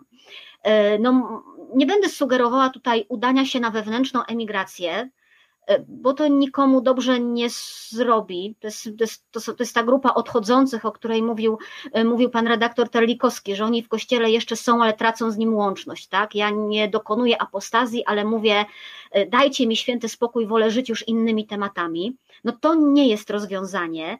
E, jeżeli uznamy, że rozwiązaniem e, takim dobrym i chrześcijańskim e, nie jest po prostu odcięcie księży biskupów od pieniędzy, które im dajemy i powiedzenie dobra, dość, nie będę płacił na kul, nie będę dawał na składkę, czym często każemy najpierw swojego proboszcza, a nie biskupa, który być może zawinił, to ja naprawdę nie wiem ja sama szukam też dla siebie odpowiedzi. Może my po prostu powinniśmy zacząć to naiwnie zabrzmi, nie? E, pisać listy. Ale za każdym razem, kiedy nas coś zaboli, brać maila do swojego biskupa i jemu o tym napisać. Bo nie wiem, może jest tak, że rzeczywiście jest gdzieś w hierarchii problem złej woli. E, ja bym wolała wierzyć, że to jest problem życia w jakiejś bańce, do której informacje nie docierają, że przez tyle lat malowanie e, trawy na zielono na odpustach e, i stawianie dzieci z wierszykami mogło sprawić, że jeden z drugim biskup, nawet z tych, których uważamy za fajnych i porządnych, oni naprawdę w głębi serca są przekonani, że rozumieją, wiedzą i znają życie parafialne, no bo przecież jeżdżą i rozmawiają. E, I może takie wyciąganie ich powolne z tej banieczki e, sprawi, że gdzieś, ja nie mówię, że za pierwszym, drugim czy, czy trzecim listem, ale że gdzieś coś zacznie pękać, bo no tak jak mówiłam, jakby strukturalnego rozwiązania, żeby świeccy mogli teraz zabrać taki głos, żeby coś zmienić w kościele, chyba to nic nie da. Wiem, że rozmawiałam z ludźmi, którzy yy, chcieli zareagować na. Mm, a już wiem, na e, kazanie arcybiskupa Gondeckiego w Gdańsku. E, na te słowa, którymi witał arcybiskupa Wojdę, na mówienie o tym, że świeccy powinni milczeć e, i tylko e, pewne prawdy przemilczać. I ktoś mnie pytał, czy powinniśmy napisać list, w którym będziemy się domagać dymisji biskupa. Odpowiedziałam nie. To znaczy, to będzie taki gest, który nic nie da i żądanie jest tak duże, że ono po biskupie po prostu spłynie. Ono jest nie, y, może adekwatne do tego, co my czujemy, ale nierealne do spełnienia. Powiedziałam, jeżeli napiszecie list, w którym poprosicie arcybiskupa, żeby wytłumaczył, co miał na myśli, mówiąc te słowa, e, a jeżeli czytał je z automatu i nie myślał, co robi, to żeby za nie przeprosił. Jeżeli się będziecie domagać przeproszenia, to ja nie mówię, że to przyniesie owoce, ale takimi małymi krokami, jest szansa, by coś się zmieniało w sposobie myślenia, żeby coś powoli w mentalności, bo szansy na rewolucję i radykalną zmianę i na jakieś znalezienie nagle instytucji głosu, który coś odmieni, tak od, ja nie widzę, ale może są mądrzejsi ode mnie. Więc y, ja zacznę od drugiego pytania, bo ono jest prostsze, czyli pytania o synod, y, bo ja też nie widzę prostych metod y, partycypacji świeckich mm, w tych, w tych, w tych strukturach, o których mówiliśmy. Zacznijmy od synodu. Mm, myślę, i zabrzmi to nie wiem, czy pesymistycznie, czy realistycznie, ale że ten bardzo silny konflikt, spór, debata, o której mówiła pani redaktor, jest wpisane w tej chwili w codzienność Kościoła, w status quo Kościoła, nie tylko w Polsce. Żartobliwie jeden z byłych księży anglikańskich, obecnie ksiądz katolicki, Dwight Longecker mówił, przeciętny, konserwatywny katolik ma więcej wspólnego z konserwatywnym anglikaninem niż ze swoim liberalnym katolickim współbratem. I analogicznie konserwatywny Anglikanin ma więcej wspólnego z katolikiem konserwatywnym niż z liberalnym. Episkopalianinem czy anglikaninem to oczywiście w zależności już od kraju e, i miejscu, o którym mówimy. Więc konflikt, spór, debata, potężna debata między, nazwijmy to stroną progresywną, a nazwijmy to stroną konserwatywną, z całą świadomością, że te określenia polityczne nie odpowiadają e, istocie sporu i z całą świadomością, że między tymi dwoma E, punktami na kontinuum jest jeszcze cały zestaw ogromnej różnorodności, po prostu trwa w kościele całym i w Polsce również trwa. E, I e, nie ma ani synod, ani żadna inna instytucja nie jest w stanie go zakończyć. Przypomnijmy, papież zwołał już ileś synodów, jednym z nich był synod na temat małżeństwa i rodziny. Czy on się zakończył porozumieniem? Nie. Czy wiemy, mamy jedną wspólną interpretację e, e, słynnego przypisu w, encykli, w adhortacja Moris Leticia? Nie mamy. E, mamy kościoły, które uznały pod pewnymi warunkami, w pewnych sytuacjach możliwość przystępowania do sakramentów przez osoby rozwiedzione w nowych związkach. I mamy kościoły, które tej możliwości nie uznały. Ba, Mamy w Stanach Zjednoczonych diecezje czasem obok siebie i jedne taką możliwość uznały, a nawet pytanie, czy słusznie, czy nie, zostawiam, mówię, jaka jest sytuacja, a nawet dopuściły do e, Komunii Świętej i do spowiedzi osoby w związkach jednopłciowych, stałych, zalegalizowanych e, przez prawo świeckie, powołując się pytanie, na ile adekwatnie, ale zostawiam to. To jest czasami stanowisko biskupa powołując się na Morris i mamy takie, które się na to absolutnie nie godzą. No więc mamy y, już w tej chwili różnorodność. W Polsce ona jest dużo mniejsza. Żartobliwie można powiedzieć, że najbardziej postępowi katolicy w Polsce są gdzieś na centro konserwatywnych pozycjach e, w kościele amerykańskim, czy włoskim, czy niemieckim, to już zostawiam. Natomiast, e, a przynajmniej nie są na pewno w takim głównym nurcie tej drugiej strony. I ten spór jest i będzie, on się nie skończy. Pamiętajmy, obie strony, ja nie mówię teraz o Polsce, bo w Polsce bywa z tym różnie, ale obie strony mają własnych kardynałów, własnych biskupów, własnych teologów, którzy e, w sposób bardzo profesjonalny spójne i zgodne z założeniami swojego systemu te argumenty czy to myślenie uzasadniają. Mają nawet, trochę żartobliwie można powiedzieć, niezależnie od tego, że to jest nieprawda, ale mają nawet swoich papieży. Jedni powiedzą, że ich papieżem jest Franciszek, drudzy powiedzą, że jest Benedykt XVI, e, chociaż emeryt, ale przecież jednak pełniący swoją funkcję, przynajmniej duchowo, jest taka bardzo silna E, narracja i wiemy, że, że to się będzie jakby jeszcze toczyć wiele lat, to znaczy zanim w procesie trudnej bardzo debaty dojdziemy, nawet nie wiem, czy do porozumienia, czy nie do jakiejś, nie chcę używać słowa syntezy, bo będę oskarżony o heglizm, ale do jakiejś nowej syntezy e, teologicznej, tak jak doszedł Sobór Chalcedoński, przecież w dziesięcioleciach sporu o dogmat chrystologiczny, bardzo dynamicznego, radykalnego, trudnego sporu, w którym obie strony miały bardzo dobre argumenty. I dopiero Sobór Chalcedoński te dwie strony e, pogodził, dodajmy, e, no, część z różnych bardzo powodów, także językowych, część chrześcijan nie przyjęła tego soboru i utworzyła osobną gałąź kościołów, e, no mylnie, już teraz wiemy, że mylnie, ale przez ponad tysiąc lat nazywanych monofizyckimi. E, więc e, to jest bardzo długi proces i tego synod, e, żaden synod nie, nie zakończy. A pamiętajmy, że ostatecznie synod to byłoby miejsce, w którym głosowaliby wyłącznie biskupi. Świeccy mieliby na nim głos, mogliby się wypowiedzieć. No, jeśli ktoś sądzi, że to by miało jakiś potężny, realny wpływ na zmianę, to nie. No nie miałoby. Nawet droga synodalna ostatecznie została przecież tak zbudowana i nie inaczej, żeby zachować władzę biskupów i władza biskupa w kościele będzie zawsze. Natomiast na pytanie, co może zrobić zwykły świecki, ja bym był bardzo ostrożny z budowaniem takiej wizji, że jesteśmy my świeccy i oni biskupi. E, pierwszą rzeczą, którą możemy i powinniśmy zwalczać, jest zwalczanie klerykalizmu w nas samych.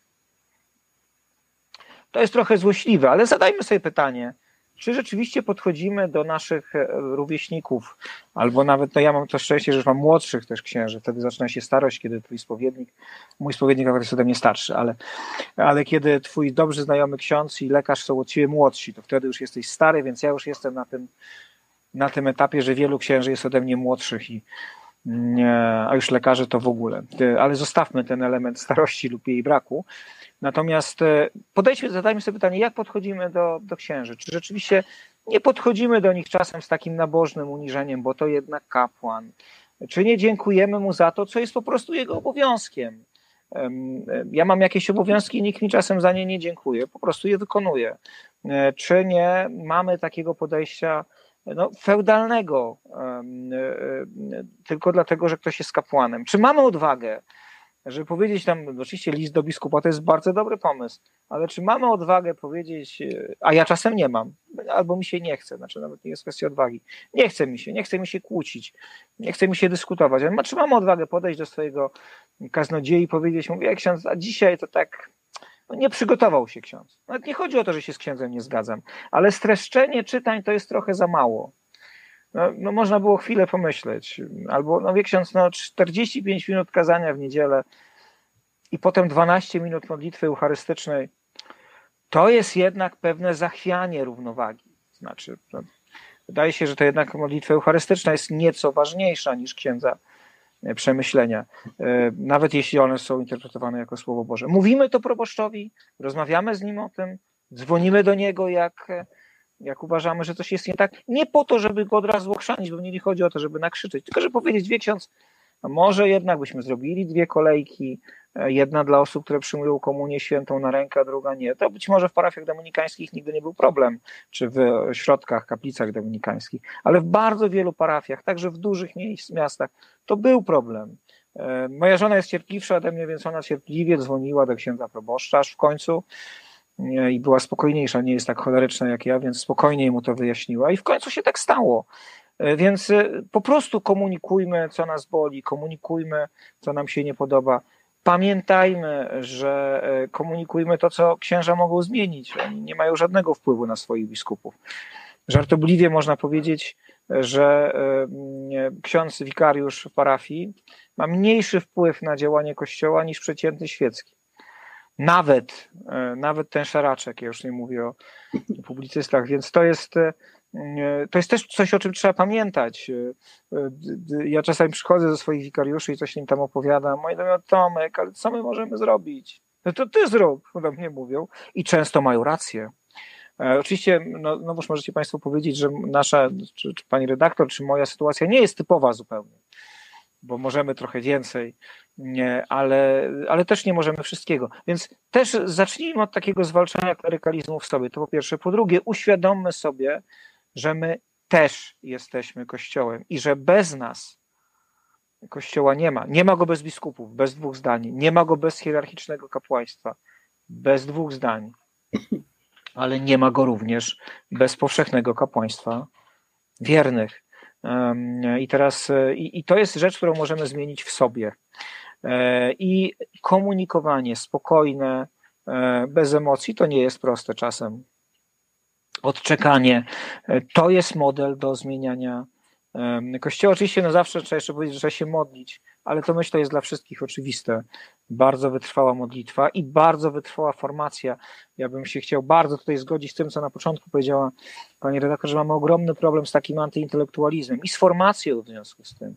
Znaczy, powinniśmy się e, formować, e, nie czekając koniecznie na to, że ktoś nas będzie e, formował, ale także sami siebie formować, tak żeby mieć świadomość tego, czego rzeczywiście naucza Kościół, a czego naucza tylko dany kaznodzieja e, i co może niekoniecznie mieć cokolwiek wspólnego z nauczaniem Kościoła. I jak wiemy, że tak jest, to też łagodnie, delikatnie, bo pamiętajmy, komunikat, który jest wyrażony za mocno, za radykalnie, nie dociera do adresata.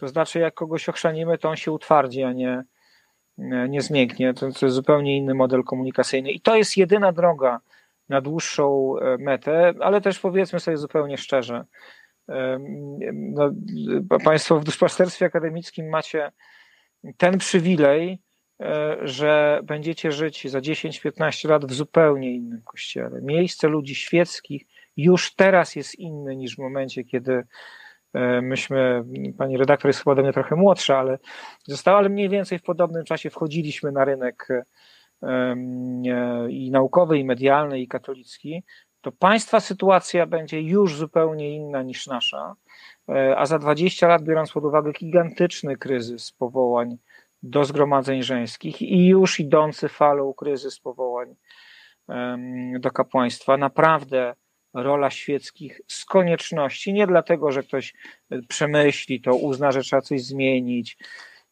że przemyśli głębokie i mądre encykliki czy Benedykta XVI, czy papieża Franciszka, tylko dlatego, że nie będzie innego wyjścia.